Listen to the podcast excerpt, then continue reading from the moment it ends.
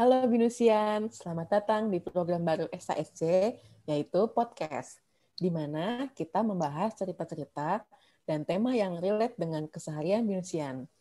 Setiap podcast akan membahas satu tema dengan lebih mendalam, tentunya bersama dengan konselor SASC. Bisa jadi nanti teman-teman Binusian akan diundang juga loh untuk sharing bersama dengan kakak-kakak konselor. Kita tunggu aja episode berikutnya. Nah, di episode pertama ini kita kenalan dulu. Kali ini akan ada Kak dari konselor FEC dan saya sendiri Kak dari konselor SOD. Nah, hari ini kita mau bahas satu tema yang udah sering banget dibicarain dan relate banget sebenarnya sama teman-teman mahasiswa. Kita mau bahas tentang pertemanan, khususnya toxic friendship, teman tapi menyakitkan topik ini juga sering banget diceritain atau dicurhatin oleh teman-teman mahasiswa ketika konseling. Benar banget nih Kak Vika. Kayak misalnya kita uh, bacain cerita di tempat cerita, itu uh, sering juga ya kita dapat cerita tentang teman-teman yang berada pada uh, toxic friendship. Nah, hmm. kebetulan nih hari ini kita juga mau bacain salah satu curhatan binusian yang cerita tentang toxic friendship. Kak Evi bacain suratnya ya. Sebelumnya, uh, maaf saya kurang tahu apakah ini termasuk toxic atau tidak. Saat ini saya merasa punya toxic friendship pada beberapa teman saya. Karena dalam pertemanan ini kebanyakan pembicaraan mengarah pada keburukan yang dimiliki orang lain. Jadi semacam ngomongin orang lain. Selain itu, saya merasa beberapa teman saya kalau dalam hubungan dengan gebetannya itu kurang baik karena terkadang mereka itu toksik dalam hubungannya. Hal-hal tersebut lumayan mengganggu saya karena saya berusaha untuk tidak membicarakan keburukan orang lain maupun membicarakan hubungan-hubungan yang toksik. Walaupun begitu, sebenarnya teman-teman saya ini baik kalau dalam hal lain. Namun, saya kurang suka karena mereka membicarakan orang lain usaha saya sih dalam menghadapi hal ini adalah ketika mereka mulai ngebicarain orang lain, saya mengarahkan pembicaraan ke hal-hal yang lain yang lebih positif, dan saya juga menghindari curhat-curhat kepada mereka. Nah, itu adalah uh, surat yang dikirimkan oleh teman binusian kita, yang tentu saja hmm. identitasnya anonim ya, gitu. Jadi kita uh, jaga kerahasiaannya juga nih. Kalau baca lagi nih tentang surat yang dikirimkan, tadi banyak juga ya menyebutkan kata-kata toksik gitu ya. Berarti yang mengirimkan ini udah merasa bahwa hubungan pertemanannya dia nih udah toksik nih. Sebenarnya hubungan toksik tuh uh, seperti apa sih gitu? Kalau menurut aku sih uh, hubungan pertemanan yang toksik itu kalau misalnya banyak memberikan efek-efek negatif dirasakan ketika kita lagi barengan sama pertemanan terutama. Kalau dari Kafika sendiri nih, menurut Kafika tuh pertemanan itu udah dianggap toksik itu kalau seperti apa sih? Kalau untuk toxic friendship itu sendiri sebenarnya kalau misalnya subjeknya nih Kak Evi gitu, hmm. itu kan misalkan kita, kita yang berada di dalam hubungan tersebut. Jadi ada ada hubungan uh, ada kedekatan, ada hubungan yang terjalin gitu, bukan bukan ketika kita menilai pertemanan orang lain gitu. Karena hmm. jangan sampai nih teman-teman binusia nanti salah melabeli gitu apakah ini sudah termasuk toksik atau belum gitu.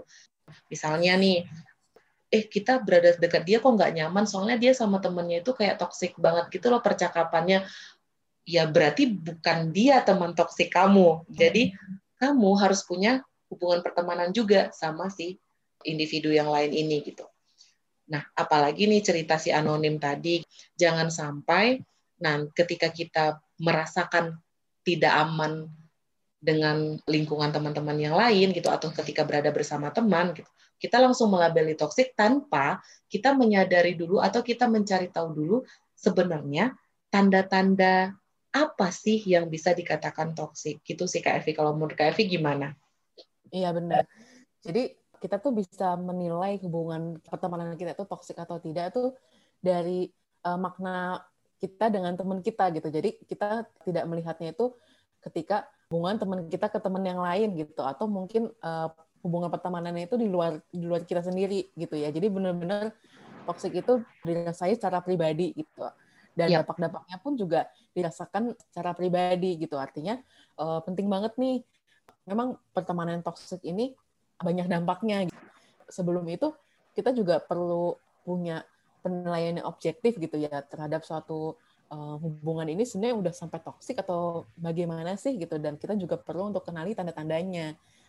Benar banget yang tadi kata Kafika yang pertama itu untuk kita bisa menilai ini tuh toxic friendship atau enggak sih dari hubungan kita secara personal ke teman kita dulu. Benar-benar hubungannya ini kita gitu ya yang yang ngalamin gitu bukan orang lain yang mengalami. Nah uh, sebelum kita menjawab apa yang dialami oleh anonim ini ya toxic atau enggak mungkin bisa ya kita share-share dulu nih sebenarnya tanda-tanda toxic friendship itu dengan kita share tanda-tanda yang merupakan toxic friendship jadi Indonesian yang ngedengerin juga bisa menilai ya kira-kira apakah ada tanda-tanda ini di sekitar Indonesian uh, beberapa tanda-tandanya itu yang paling sering nih Kak Fika nih maunya hmm. didengerin aja tapi giliran mau cerita responnya biasa aja gitu atau bahkan cuek gitu ketika kita uh, cerita. Kayak kalau misalnya kita punya teman kan pasti pengen dong curhat-curhat gitu kan. Teman yang toksik ini dia maunya curhat terus jadi bisa curhat ke kita gitu lama gitu kan dan pengen dengerin pengen kita memberikan waktu dan perhatian kita kepada teman kita tersebut. Tapi giliran kita butuh gitu kan kita juga pasti ada saatnya dong lagi ngerasa down lagi ngerasa pengen butuh tepat untuk cerita ketika kita minta untuk cerita ada aja misalnya alasannya. Nah ada juga nih tanda yang uh, lain gitu yaitu uh, temen yang suka kritik dan membuat kita jadi nggak berkembang. Nah ini hmm. bahaya banget nih karena uh, ketika ada kita punya teman yang ketika kita melakukan apa pun kita dikritik gitu misalnya jadi semua hal yang kita lakukan mau kita misalnya uh, memang benar-benar baik atau mungkin ketika kita lagi uh, melakukan hal yang mungkin kurang baik selalu dapetnya kritik gitu. Dikritik terus menerus gitu oleh teman kita apalagi orang yang kita anggap dekat selalu aja ada salahnya gitu. Membuat kita jadi nggak berkembang malah membuat kita jadi kita nggak percaya dengan diri kita nggak percaya dengan kemampuan kita. Jadi uh, teman-teman Venusian juga bisa ngelihat nih apakah hubungan pertemanan yang sekarang ini sedang dijalani ada nggak ya membuat kita tuh jadi nggak pede gitu? Membuat kita jadi kok kayaknya uh, karena takut mendengar kritik atau atau ingin menghindari si kritik yang tadi diberikan secara terus menerus kita jadi ya udahlah nggak mau nggak mau berkembang ya udahlah nggak mau uh, mencoba hal yang baru seperti itu. Dan membuat kita jadinya nggak menunjukkan potensi kita yang terbaik lalu uh, teman-teman yang toksik ini juga mungkin banget nih selalu memaksa kita untuk berubah gitu ya. Memang sih kalau pertemanan yang baik nih yang sehat ya kalau ngomongin yang sehat bukan yang toksik kita memberikan uh, feedback secara jujur gitu kalau uh, ketika kita mungkin ada sesuatu yang perlu untuk berubah perlu untuk ditingkatkan kita kasih masukan gitu kan. Itu adalah uh, masukan yang membangun gitu. Seperti tadi gitu kritiknya kritiknya yang membangun tapi bukan kritik yang menjatuhkan nah kalau pertemanan toksik ini bisa jadi dia memaksa untuk kita selalu berubah gitu. Kayak ada aja yang uh, kita diminta untuk uh, berubah dong. Kalau kalau misalnya uh, kita udah berubah pasti diminta lagi buat berubah lagi gitu. Pokoknya ada aja yang rasanya kita tuh nggak pernah cukup gitu. Apalagi kalau dia nih dia sendiri malah yang nggak mau berubah. Nah itu tuh mungkin tanda-tandanya ya Kafika ya. Hmm. kalau dari Kafika gimana kayak gitu nggak sih kalau misalnya ciri-ciri atau tanda-tanda teman-teman yang um, toxic iya Bener banget sih Kak Evi. Jadi itu kayak mm, ada tanda-tanda di mana yang pada akhirnya berdampaknya negatif ya ke kita. Maksudnya seperti itu ya Kak Evi ya gitu. Nah, penting banget nih buat kita tahu gitu, buat kita bisa menilai apakah memang uh, hubungan pertemanan kita itu toksik atau enggak. Balik lagi nih ke cerita yang tadi. Kan yang dikhawatirkan oleh anonim ini dia tidak mau teman-temannya menceritakan keburukan orang lain gitu ya gitu. Jadi apakah hubungan tersebut sampai menurunkan kepercayaan diri seperti yang Kak Evi bilang gitu? Atau apakah sudah mengganggu sampai ke potensi dirinya terhambat misalkan kayak gitu? Itu kan perlu dilihat lebih dalam lagi sebelum kita melabeli itu toksik atau tidak. Kalau memang mengalami dampak yang demikian gitu merasa cemas deg-degan takut kalau misalkan eh, apa ya kayak kita merasa tertekan selama berada di samping teman kita itu gitu. Bisa jadi itu hubungan yang toksik gitu. Tapi kalau misalnya memang seolah-olah aja gitu dia tuh toksik kita lihat. Karena apa dia toksik? Karena dia ngomongnya sama temennya sama pasangannya begini. Atau karena dia suka mengatur pasangannya. Ya berarti itu toksik dalam hubungan mereka bukan dalam hubungan si anonim ini gitu. Hmm. Mungkin itu yang perlu kita coba untuk gali lagi eh, sejauh mana kita bisa katakan itu toksik. Karena gini Kak Evi, kalau misalnya orang yang memang mengalami tipe toxic friendship ini gitu, kalau kita berada di pertemanan yang toksik, eh, ada perasaan seolah-olah kita nggak ada jalan lain gitu. Kayak kita hmm. dekat sama dia, kita nggak punya pilihan lain. Kalau kita ninggalin dia, gimana caranya? Kita perlu pertimbangan yang matang juga, pertimbangan yang objektif juga gitu. Dan ada hubungan timbal balik antara kita sama dia, artinya kayak kita sudah tahu juga dia seperti apa, dia juga sudah tahu kita gitu dan banyak juga banyak hal-hal yang dilalui bersama juga gitu. Tapi memang ada ada saja efek negatif secara emosional yang kita rasakan. Itu yang pertemanan yang toksik tadi gitu. Kadang-kadang uh, kalau kita melihat secara objektif nih tadi kan kita udah udah, kasih tahu tanda-tandanya ada juga kita sebutin beberapa efek negatifnya gitu. Terus uh, kak uh, teman-teman kayak gitu ngapain ditemenin gitu? Masa sih uh, aku mau temenan sama orang yang kayak gitu? Kalau kita ngelihat ceritanya seperti ini itu kelihatannya kayak gampang gitu ya. Tapi kalau sebenarnya kita berada pada situasi toxic friendship itu nggak gampang gitu untuk kita bisa um, menyadari bahwa oh pertemanan saya ini sedang uh, adalah toxic gitu. Dan uh, seperti yang tadi juga Kafika udah sempat sebutkan, pertemanan toxic friendship ini tuh bukan kadang-kadang tuh bukan temen yang kayak sekedar temen aja gitu. Bisa jadi itu temen deket kita gitu. Orang-orang yang memang punya hubungan yang erat dengan kita gitu. Entah mungkin udah cukup lama berteman atau mungkin kita ngerasa oh hubungan ini tuh uh, kita maknai secara pribadi tuh berharga gitu. Makanya efeknya ke kita pun juga besar gitu. Dan justru karena um, pertemanan atau karena uh, kita melihat bahwa pertemanan ini adalah berharga gitu kita jadi ngerasa kalau kita tuh uh, seperti terjebak dalam suatu um, toxic friendship. Dan kadang-kadang kita juga bingung gitu gimana caranya aku bisa uh, keluar dari lingkaran pertemanan ini. Karena ya kan dia teman aku kak gitu. Walaupun dia uh, toxic terus aku harus gimana gitu. Kadang-kadang muncullah pertanyaan-pertanyaan seperti itu.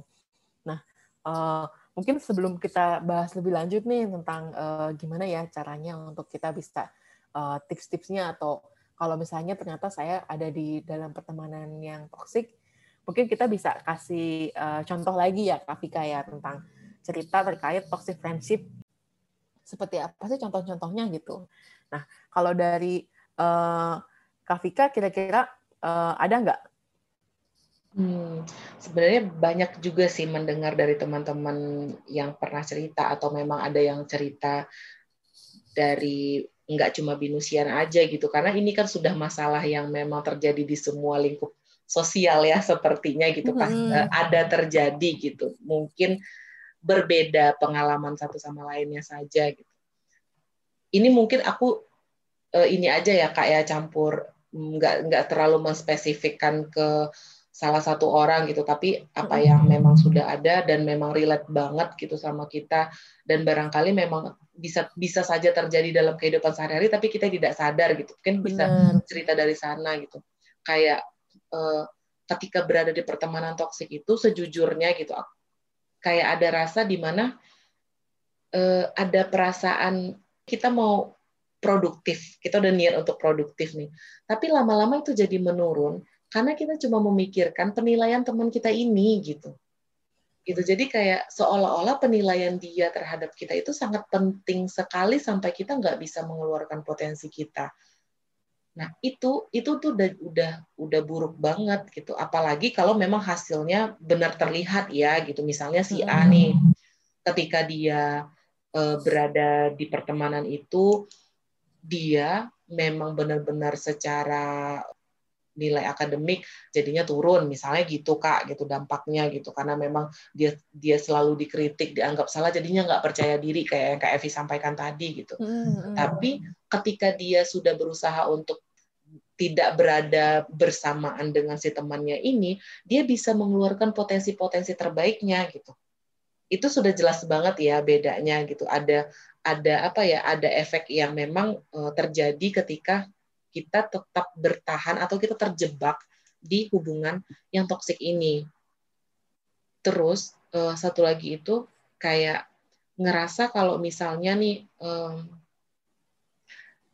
apa ya ada perasaan tidak berharga kayak selalu merasa bersalah seolah-olah kita harus melakukan sesuatu yang baik untuk dia supaya tidak ada bentuk hukuman lagi untuk kita gitu. Bukan hukuman sih hmm. mungkin lebih dibilang kayak kritik tadi gitu. Jadi kayak iya. biar aku nggak disalahin atas apa yang sudah aku lakukan ini ya udah deh aku mau melakukan sesuatu deh untuk dia. Sampai kapan sih kita mau kayak gitu? Itu energi kita habis gitu.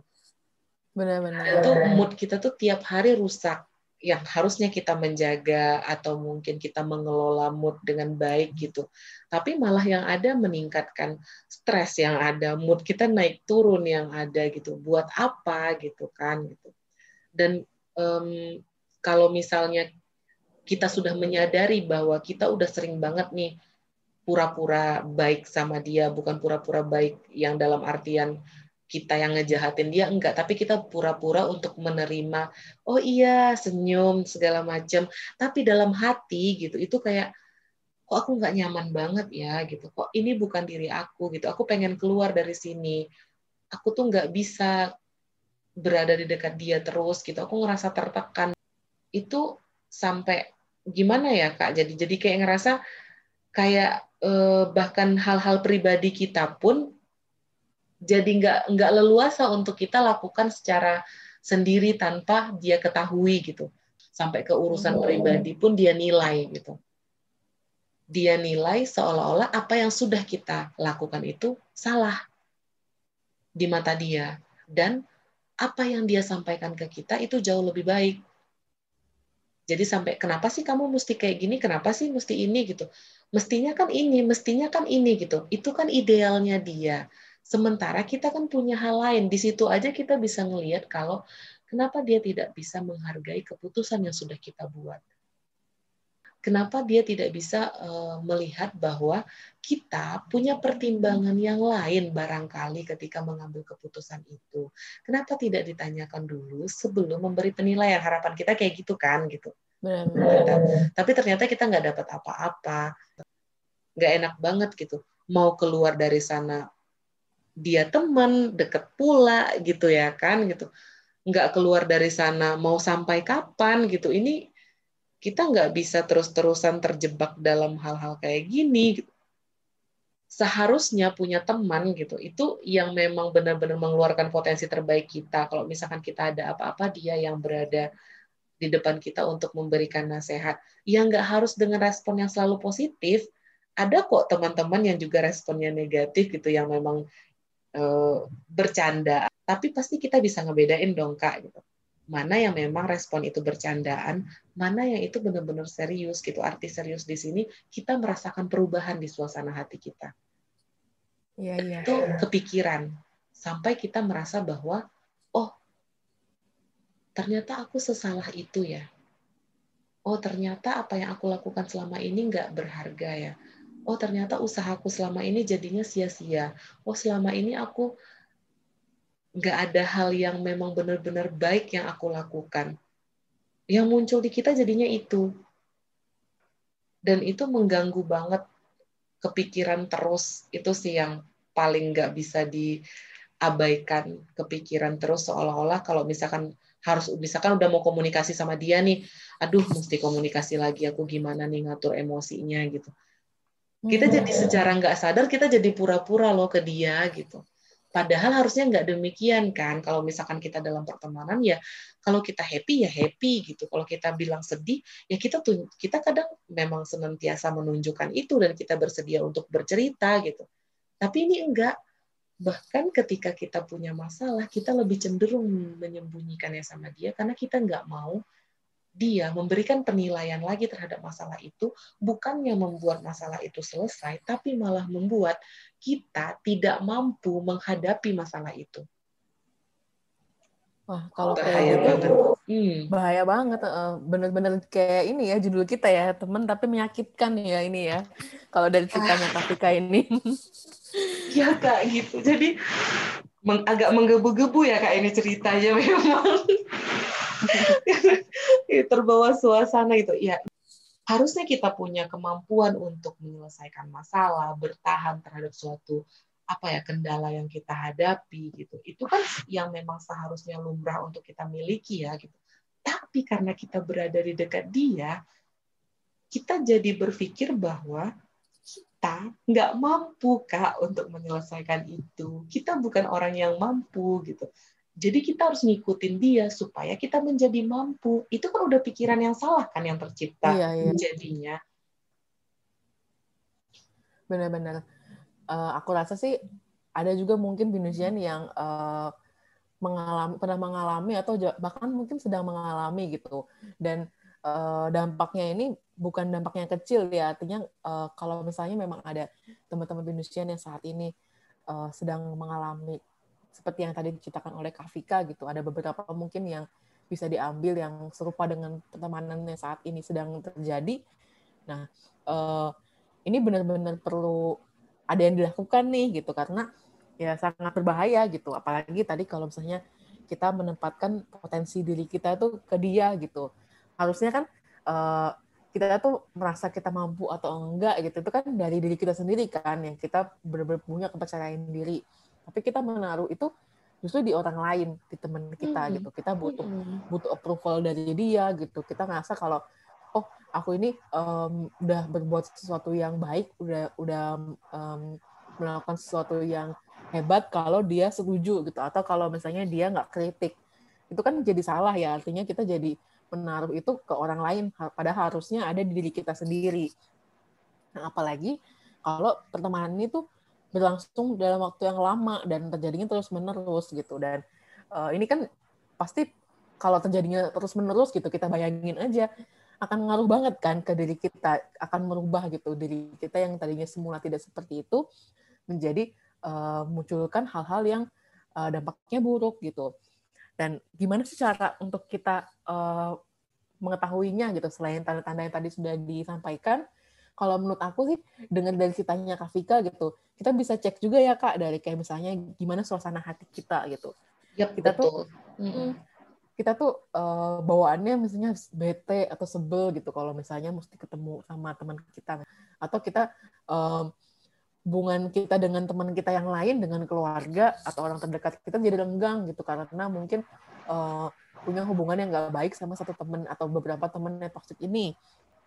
Atau kita jadi males ngapa-ngapain gitu karena kita ngerasa bahwa kita nggak dihargai kita tuh nggak uh, punya nilai kita tuh nggak nggak punya kemampuan gitu karena uh, selalu mendapatkan kritik atau selalu mendapatkan ketidaksetujuan dari teman kita yang toksik.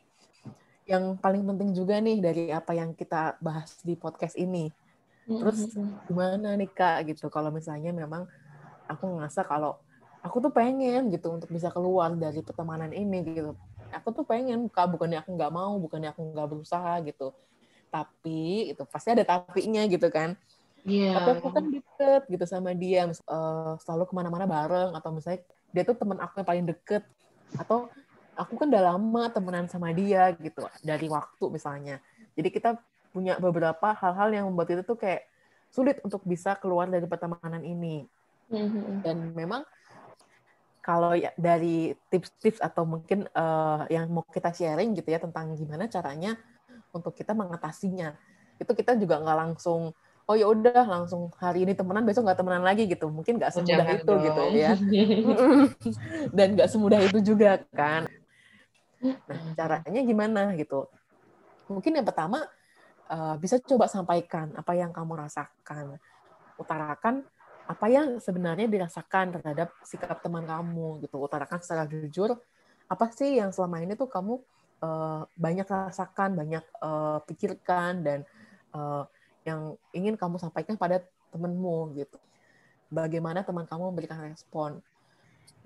Lalu kalau misalnya udah dirasa kak udah kak udah berkali-kali aku sampein gitu tapi dianya aja emang nggak mau denger gitu atau mungkin dianya juga yang uh, tidak berubah gitu. Artinya pertemanan ini udah coba untuk kita usahakan udah coba untuk kita uh, pengen pertahankan tapi seperti tidak ada perubahan. Lalu apa yang bisa dilakukan berikutnya? Nah uh, mungkin saran yang berikutnya bisa coba untuk batasi hubungan pertemanan. Jadi uh, coba untuk hindari membicarakan hal-hal yang pribadi mengurangi komunikasi. Artinya ini bukan berarti WA-nya nggak dibales atau lainnya nggak dibales, DM-nya nggak dibales, gitu.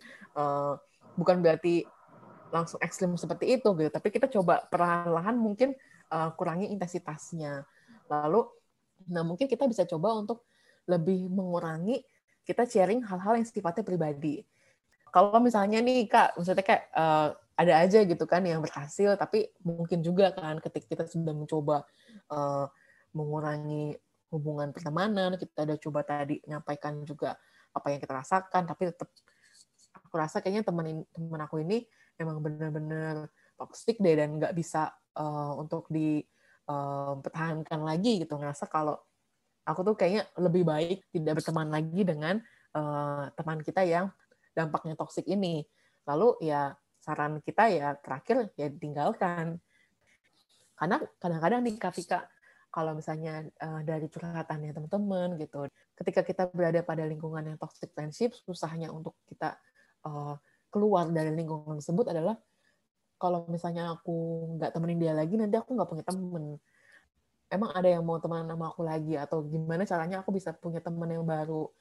Ya kita juga tanyalah ke diri kita sendiri gitu. Uh, bagi kita tuh definisi teman tuh seperti apa gitu. Dan kita melihat nggak pada pertemanan yang sedang uh, kita jalani sekarang gitu. Artinya kita deserve loh gitu untuk bisa mendapatkan teman yang lebih baik dan lingkungan yang memang support dengan kita. Kalau dari Kafika gimana nih? Ya, hmm, sebenarnya mungkin uh, aku mau menambahi aja sih yang mm -hmm. dari Kak Evi sampaikan gitu. Maksudnya gini, aku kebayang sih Kak gitu karena memang ada juga pengalaman yang seperti itu dan ada juga mendengar teman-teman yang lain gitu. Jadi memang perlu untuk segera mengatasi ketika kita sudah tahu ya tanda-tandanya gitu. Benar hmm. banget mengutarakan apa yang kita rasakan ketika dia memberikan respon tertentu gitu. Hmm, mungkin teman-teman bakalan pernah nih mengalami kayak uh, kita udah sampaikan benar-benar dari hati kita yang paling dalam banget nyampein gitu bahwa kita nggak suka ketika respon yang diberikan itu seperti ini gitu kita bahkan sampai udah ngomong belak-belakan maksud kamu apa coba? Gitu. Mempertanyakan ini gini segala macam dengan tujuan apa? Kita udah sampein. Hmm. tapi ternyata jawabannya itu bukan malah menyasar ke apa yang kita rasakan Kak Evi gitu. Kita udah berusaha nih hmm. menyampaikan perasaan kita.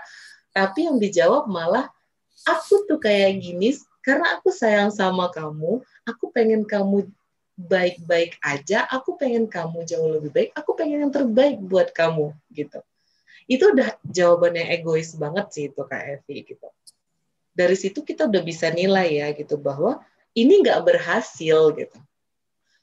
Ketika kita udah benar-benar menyampaikan perasaan kita dari hati yang paling dalam banget gitu terhadap sikap dia, udah face to face ngomong berdua dengan di ruangan ya artinya udah bener-bener ngomong lah gitu malah direspon aku kayak gini karena ini ini karena ini karena ini tetap mementingkan diri sendiri alasan sendiri bahwa alasan dia adalah yang terbaik tanpa dia berpikir bahwa yang kita butuhkan saat ini adalah dia paham perasaan kita setiap dia mengeluarkan kalimat-kalimat tertentu dari mulutnya bener nggak gitu hmm.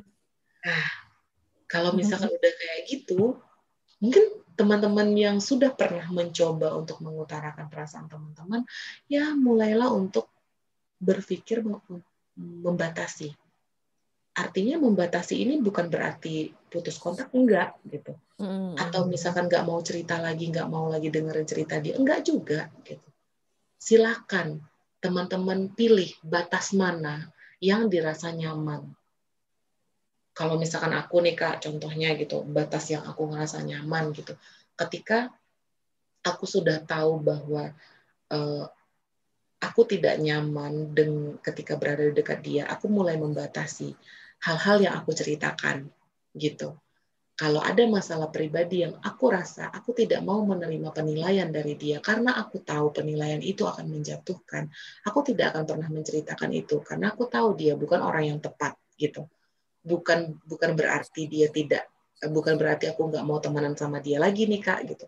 Tapi aku hanya tahu, aku hanya berpikir bahwa aku akan batasin dia bukan orang yang tepat untuk diajak cerita tentang masalah pribadi itu satu hmm. gitu nah kemudian mengurangi komunikasi kayak yang kak Evi bilang tadi gitu mengurangi komunikasi ini eh, benar bisa dilakukan apabila memang jarang ketemu itu it's okay gitu ya kak kak Evi bilang WA dan segala macam. Tapi kalau misalnya tinggalnya kalau mahasiswa kan aku satu kos kak sama dia. Oh, iya, bener. pergi kan aku berangkatnya sama-sama terus gimana dong gitu misalnya gitu ya. Kan bingung juga. Sementara dia tidak menyadari udah kita bilang tapi dia tetap tidak menyadari. Udahlah kita nggak mau ngomong masalah pribadi, dia malah menilai kita nggak nggak terbuka sama dia, nggak menganggap dia teman dan segala macam gitu misalnya.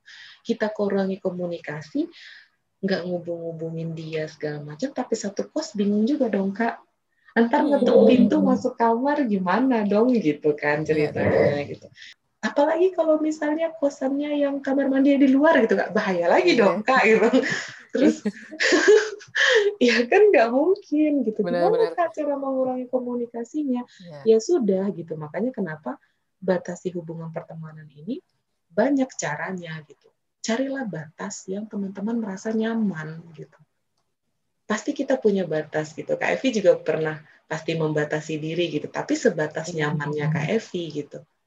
Sama gitu. Itulah yang perlu dilakukan gitu. Jangan karena misalkan kita bilang kamu hindari komunikasi gini segala macam belum tentu itu batas nyamannya teman-teman binusian oh gitu. iya benar hmm. sejauh mana teman-teman binusian merasa bahwa oh aku sudah segini nih batas nyaman aku aku cuma cerita soal masalah akademik aku aja, tidak masalah lain. Atau aku cuma cerita soal hal yang receh, yang temeh aja. Ya udah gitu. Kalau misalkan itu yang nyaman, ya silakan gitu. Karena kan kita nggak perlu berpikir bahwa kita menyenangkan hati setiap orang dengan terbuka setiap orang lain itu mustahil banget gitu. Sepanjang hidup teman-teman binusian sampai usia sekarang ini pasti ada orang-orang yang satu, dipercaya untuk cerita apa pun. Yang kedua, cuman untuk bukan cuman ya, artinya bukan berarti dia tidak berharga. Semua teman itu tentu saja berharga gitu. Tapi ada teman yang memang kita cuman cerita ya hal-hal yang senang-senang aja. Kita nggak terlalu mau terlalu mau terbawa apa ya e, menceritakan hal-hal pribadi yang membuat kita sedih yang secara mendalam dan segala macam gitu. Nah, kalau itu sudah dilakukan tapi tidak berhasil juga, masih juga ngerasa tidak nyaman sama dia dan segala macam gitu, nggak bisa menemukan batas nyaman teman-teman sendiri, barulah opsi terakhir gitu. Udah nggak ada lagi nih kak, aku udah batasi tapi aku nggak ketemu batas nyaman aku. Semuanya udah aku lakukan nih untuk ngebatasin sampai aku nggak mau. Intinya membatasi tanpa memutuskan hubungan. Nggak bisa, tinggalkan Iya, tinggalkan. Contohnya gimana ya, Kak? Lihatnya. Artinya ketika kita sudah mencoba segala cara untuk mempertahankan pertemanan ini gitu. Tapi yang kita rasakan tetaplah sama, bahkan makin hari makin buruk dan lebih parah kalimat-kalimat yang kita dengarkan dari dia, respon-respon yang kita dengarkan dari dia, bahkan mungkin dalam kasus-kasus yang ekstrim bisa merusak benar-benar melukai perasaan kita dan merusak kepercayaan kita sama dia. Satu-satunya cara ya tinggalkan gitu. Setiap kita berkomunikasi, setiap kita bertemu, setiap kita memikirkan dia, yang muncul hanyalah emosi negatif, rasa takut, cemas, khawatir, marah, pengen balas ngomong di depan dia tapi kita nggak pernah punya kesempatan karena kita tahu bahwa dia teman dan kita menghargai makna pertemanan itu. Itu menyakitkan banget loh gitu. Kayak kita temenan tapi kok aku sendiri yang sakit gitu misalnya gitu aku nggak bisa keluar dari rasa sakit ini ya rasanya. Kok aku tetap menghargai dia gitu.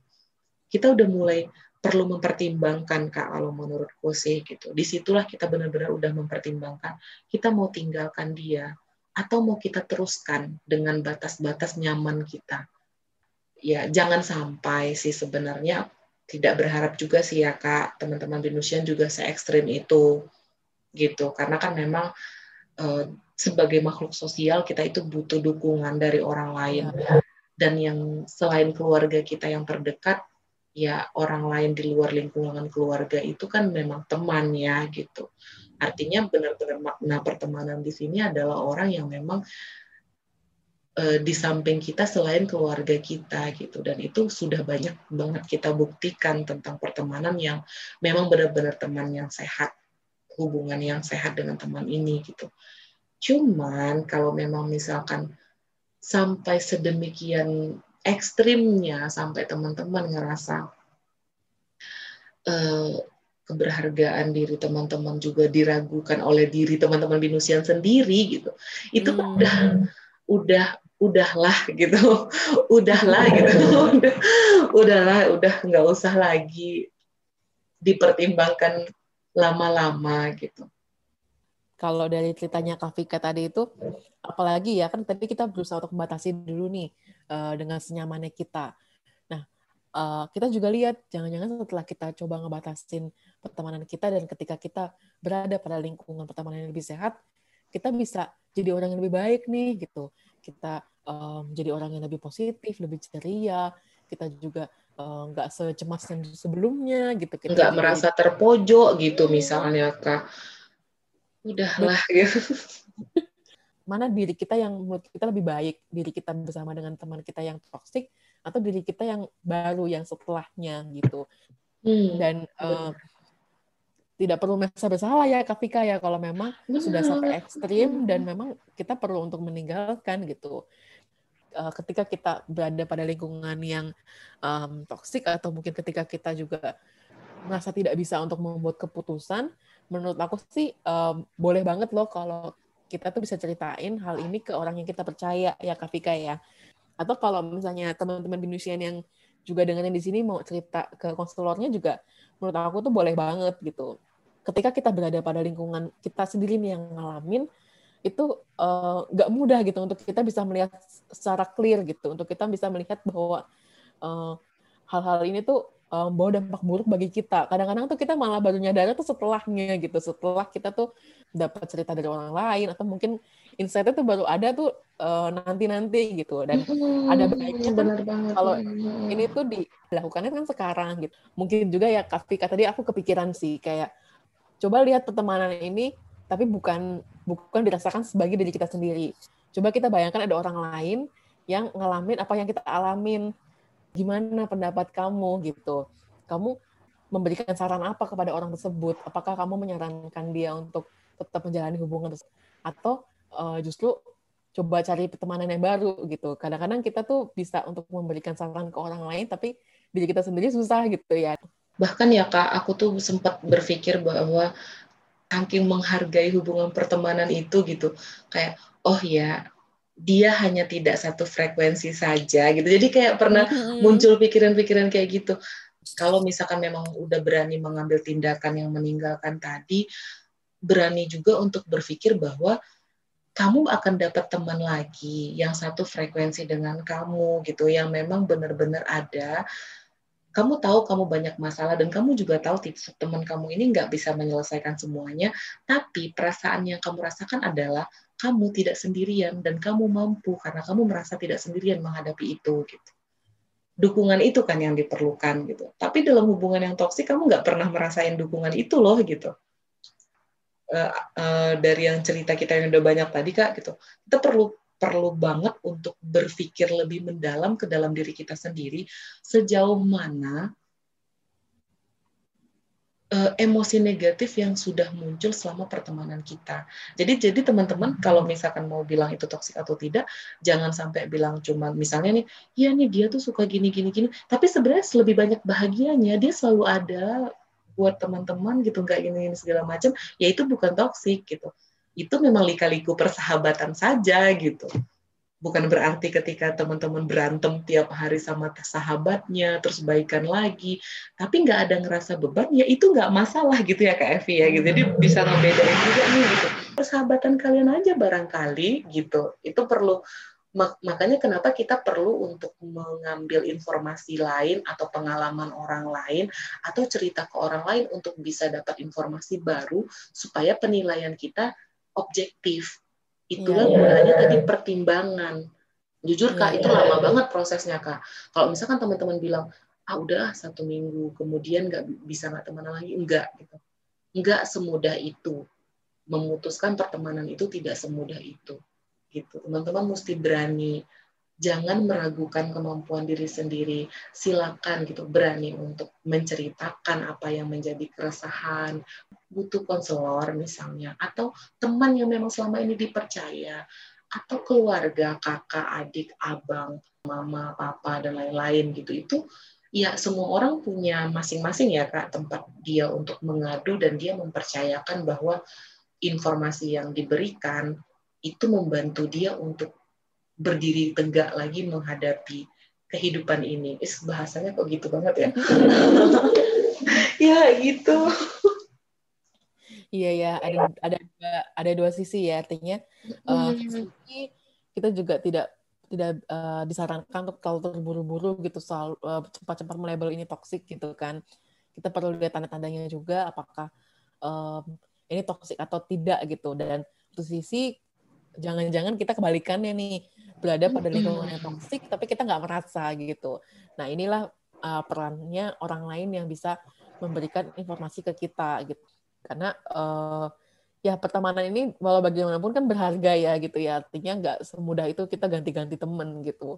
Tuh kayaknya udah banyak banget ya kak yang kita bahas. Pengalaman-pengalaman ini jadi kayak benar-benar terkeluarkan semua nih kak gitu. Maksudnya jadi jadi keasikan banget ngobrolnya sama lebih ada kelegaan ya. Ini mungkin yang dikatakan bahwa ketika kita mencurahkan sesuatu apa yang menjadi keresahan selama ini atau apa yang menjadi pikiran selama ini ya muncul rasa lega. Itu benar gitu cerita. Itu benar melegakan.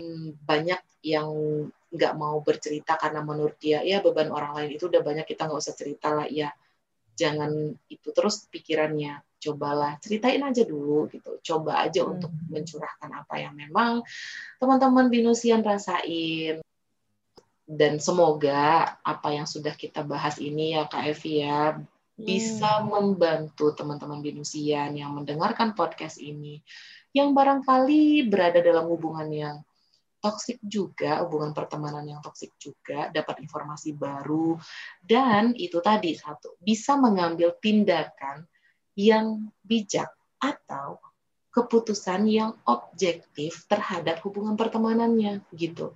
Ingat ya gitu. Jadi tidak semudah membalikan telapak tangan memang, tapi teman-teman pasti punya cara tersendiri untuk mengatasi itu. Dan kalau memang udah dicoba nih, kak aku udah coba ketiga-tiganya tapi nggak mempan, masih nggak enak perasaannya. Hmm, ayo cerita sama kakak gitu. gitu kak. Hmm, udah lama juga nih ya kak kita cerita. Banyak juga yang kita bahas hari ini ya tadi dari tanda-tanda toxic friendship itu seperti apa, lalu dampaknya seperti apa gitu. Lalu kita juga coba kasih beberapa tips gimana untuk cara kita mengatasinya gitu ya. Kalau misalnya semoga ya teman-teman uh, dapat sesuatu gitu dari dari mendengarkan podcast di hari ini uh, dan kalau misalnya ngerasa uh, tadi kayaknya ada yang kelewat nih nanti kalau mau dengerin lagi dan dicatat juga uh, boleh banget. Kita thank you banget nih untuk teman-teman Indonesia nih yang sudah mendengarkan podcast perdana kita ya Kak Vika ya. Iya benar. Hmm. Semoga apa yang kita um, jelasin hari ini gitu kita coba ceritain hari ini tuh uh, berguna dan bermanfaat. Terus juga kayak seru juga gitu ya gak cuman uh, ngobrol-ngobrolin soal satu topik yang mungkin jadi keresahannya Binusian semoga ke depannya ini bisa jadi podcast yang bisa ditunggu oleh Binusian semuanya tuh. Dan yep. uh, ke depannya lagi kita akan pastinya bawain topik-topik uh, lain yang gak kalah menarik. Jadi um, teman-teman Indonesia tunggu episode yang berikutnya di podcast ini akan kembali lagi kok untuk bisa membawakan cerita-cerita yang lebih menarik lagi. Thank you untuk semuanya okay, yang thank sudah you. mendengarkan. See you. Yeah, see you.